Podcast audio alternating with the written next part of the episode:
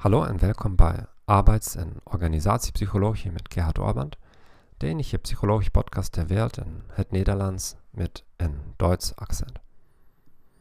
Vandaag zullen we praten over de intenties voor implementatie. Als u zakelijke of zelfontwikkelingsboeken leest, weet u dit waarschijnlijk al. Als u een doel wilt bereiken, kunt u het het beste opschrijven en aangeven hoe u het wilt implementeren. Empirische studies door Peter Gollwitzer leveren het bewijs voor de bovenstaande bewering. Implementatieintenties specificeren hoe een concreet doel moet worden bereikt. Dat wil zeggen, welke actie zullen we ondernemen wanneer, waar en hoe.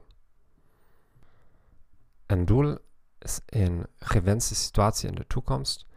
Implementatieintenties zijn ondergeschikte specificaties aan dat doel. Ik zal u een experiment van Gollwitzer en Brandstetter citeren.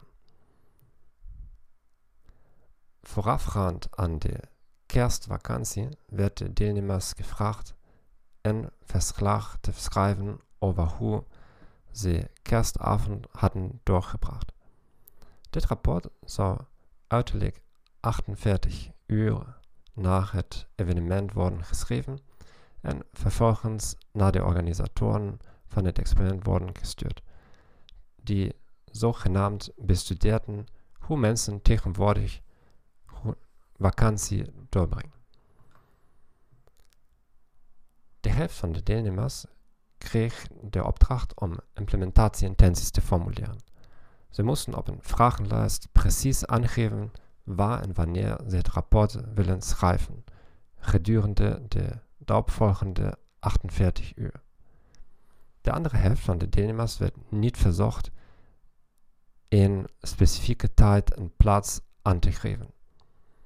Toen de rapporten van de deelnemers na kerstmis met de post binnenkwam, had drie kwart van de deelnemers in de groep met implementatieintenties de rapporten in de gevraagde periode geschreven, terwijl slechts een derde van de deelnemers in de controlegroep dat lukte.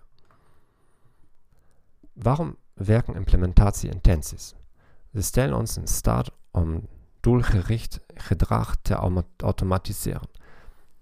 Het is moeilijker om op een geschikt moment beslissingen te nemen dan om onze reacties van tevoren te plannen.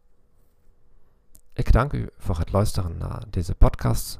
Ik wens je een fijne dag en tot ziens.